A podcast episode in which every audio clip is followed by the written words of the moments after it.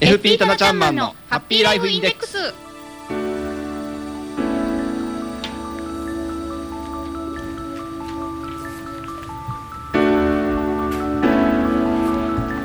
タナちゃんマンのハッピーライフインデックス。この時間はあなたの夢と未来をトータルサポートするライフサポート有限会社の提供でお送りします。私たちと一緒に明るい未来幸せな生活になるためのマネーライフを考えてみませんか？この番組ではあなたからの疑問質問を受け付けています。ぜひお寄せください。宛先は hama.p-wave.ne.jp ハマアットマーク p-wave.ne.jp です。お気軽にお待ちしてます。れでは今日も早速一級ファイナンシャルプランニング技能士ライフサポート有限会社代表のタナちゃんマンを呼んでみましょう。タナちゃんマンはいこんにちは棚橋です。今日も爽やかに登場していただきました。よろしくお願いします。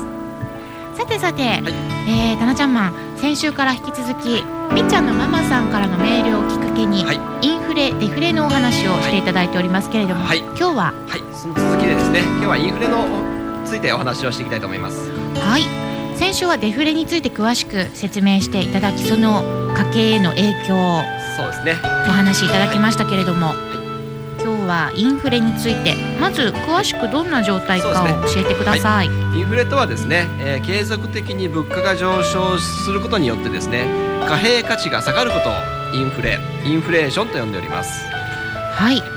デフレは物が余って物価が下がっていた状態ですか、ね、継続的に物価が下がることをデフレです。ね、その逆ですね、はい、物価が上がっていくことをインフレと呼んでおります。はい、はい、単純に考えて物価が上がるとああ物買うのがちょっと大変だなって思いますよね。ねはい、出費が苦しいわっていうような状況ですね。ただですね、えー、インフレにつきましてはですね、デフレと違いまして、はい、いいインフレ、それと悪いインフレがあるっていうことなんですよね。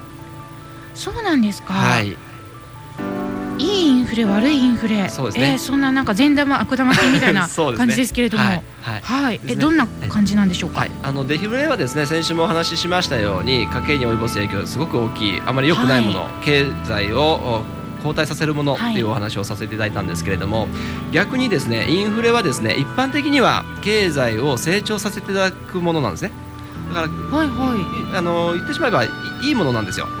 そうなんですか、うんただですねその中でも良くないインフレも中にはあるよっていうことなんですね。はい。どういう種類が良くないんですか、はい、で今現在インフレが起きていますよね。デフレを、はい、2年ほど前脱却しまして、えー、ようやくインフレになったんですが今のインフレっていいいいインフレなのか悪いインフレなのかっていうとあまりいいものではないなんとなくあの雰囲気的には良くないのかなっていうのは伝わってくるんですけども、ね、はい、はい、なぜいいインフレが、うん、インフレがいいのかっていうところからお話ししないと、ねね、分かんないと思うんですけれども、はい、インフレっていうのはですね先ほども言いましたように経済を成長させてくれる働きがあるんですよ。はいえー、要はあ経済活性化することによって物の値段が上がっていく物価が上がるんですね。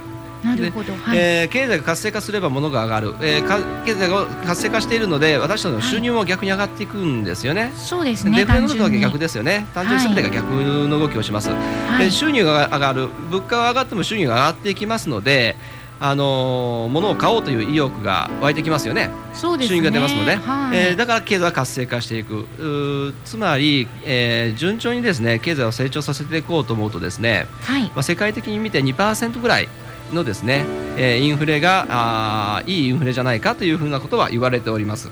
2%はいおおむね2%ですね、はい、えー、でじゃあ今日本はどれぐらいの経常せ、えー、インフレ率か、ね、上昇率なのかっていうとですね1%弱ぐらいかなっていう感じですね。で、はい、えー、ただし今のインフレっていうのはちょっとここ最近ですね急激なインフレが起きてですねあまりいいインフレとは言えないというふうになってます。まあ、本来は先ほど言いましたように経済が活性化してくれるものですから、はい、いいものなんですがただ、えー、昨年のですね、えー、アメリカの低所得者の住宅ローンサブプライムローンのですね、はい、問題によってですねすごく世界的に経済がですね不安定な状況に陥ってしまいました。そうですね、はい、それとですねあとガソリンの原油高ですよね。それとあと、まあ、今日はアースデーということなんですけれども、えー環境によるですね、えー穀類の高騰うんをはじめとするさまざまな物価高ですね。いろんなものに影響を及ぼしてますねそうですね。はい。ということはこのはい経済成長による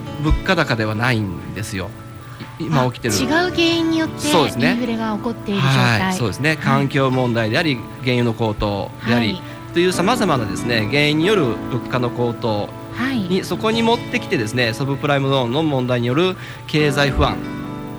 はい。というところでですね必ずしもいいインフレではないと。いうことなんですね。そうなんですね。経済を成長させてくれるためのインフレは今回は今は、えーデフレ脱却の時はねそういう雰囲気もあったんですが、はい。えー昨年の秋ぐらいからそうではなさそうかなっていうことに陥ってしまっているというふうには感じております。なるほど。はい。それはどういうふうにこう国ですとか、はい。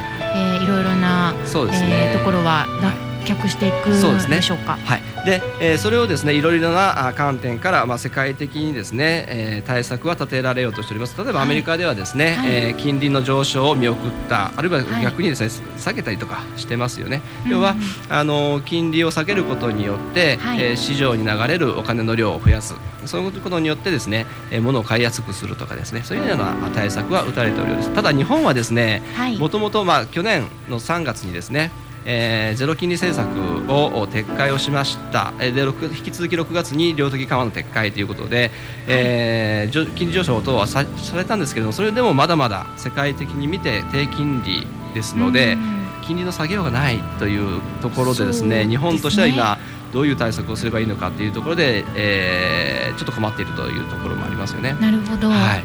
この金利が今とても下がっているはい。低い状態の時っていうのは、はい私たちのこう個人レベルで、はい。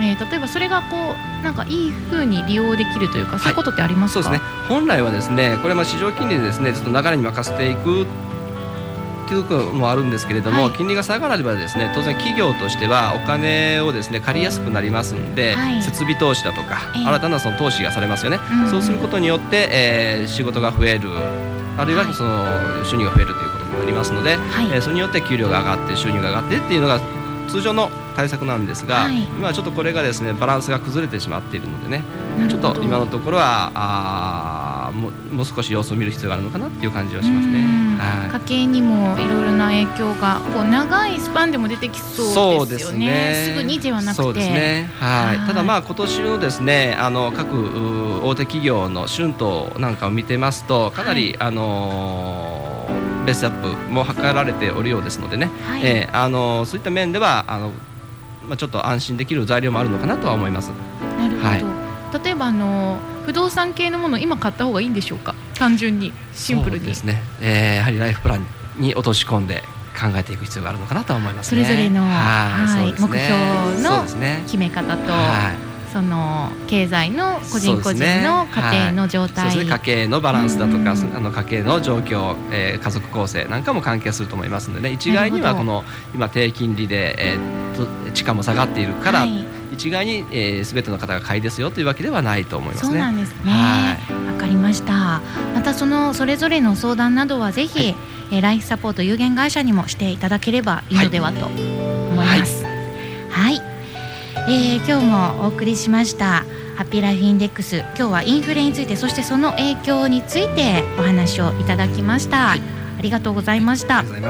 えー詳しいいろいろなご相談はぜひ生和町にあります。ライフサポート有限会社まで。電話零五九三三四八一一一。三三四の八一一一。またホームページもぜひご覧ください、はい。